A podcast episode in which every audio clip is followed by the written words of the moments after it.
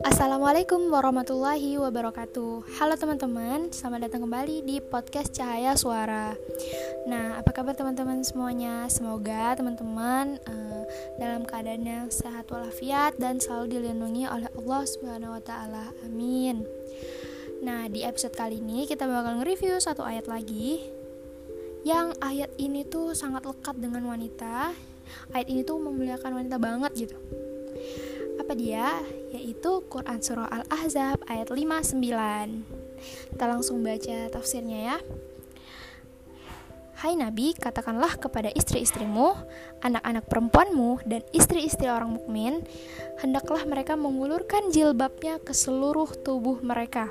Yang demikian itu supaya mereka lebih mudah untuk dikenal, karena itu mereka tidak diganggu, dan Allah adalah Maha Pengampun lagi Maha Penyayang. Masya Allah banget nih ya ayat ini tuh sangat memuliakan wanita. Kenapa? Kalau kita perhatikan nih, ayat yang kita baca tadi itu kan udah familiar banget lah sama kita kan perempuan apalagi muslimah. Ya, perempuan muslimah gitu. Ayat ini tuh tentang kewajiban pada diri seorang perempuan yang beragama Islam untuk mengenakan jilbab, yaitu kewajiban untuk kita menutup aurat tapi wait wait tunggu tunggu tunggu. Jangan di skip jangan di skip.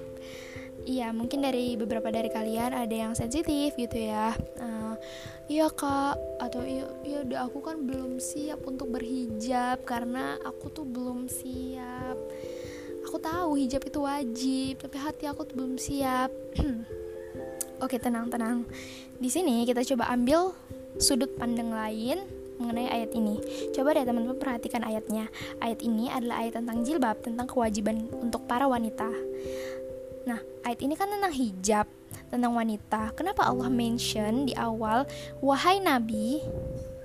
Kenapa nggak langsung wahai wanita, ya Nisa? Kenapa nggak kayak gitu?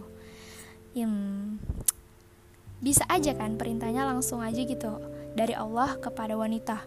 Wahai wanita, pakailah jilbab gitu. Tapi enggak, ayat ayatnya malah berbunyi, "Ya Nabi, katakan pada istri-istrimu, anak-anak perempuanmu dan para muslimah untuk mengenakan hijab mereka." Wih, perhatikan ya, Allah itu tidak memerintahkan wanita secara langsung, tapi via Nabi dulu. Kenapa? Kenapa kayak gitu? Karena Allah tahu kadang ada kalanya wanita tuh sensitif ada kalinya wanita tuh nggak suka diperintah secara langsung. Jadi harus melalui orang lain dulu. Dan itu adalah orang-orang terdekatnya contohnya misalnya melalui suaminya melalui ayahnya melalui orang-orang terdekat dalam hatinya gitu dan hikmah lain dari ayat ini yang bisa kita ambil saat kita menyampaikan sesuatu kebaikan, kita berdakwah kepada orang lain itu beru berusahalah dahulu untuk menjadi bagian terdekat dari orang itu.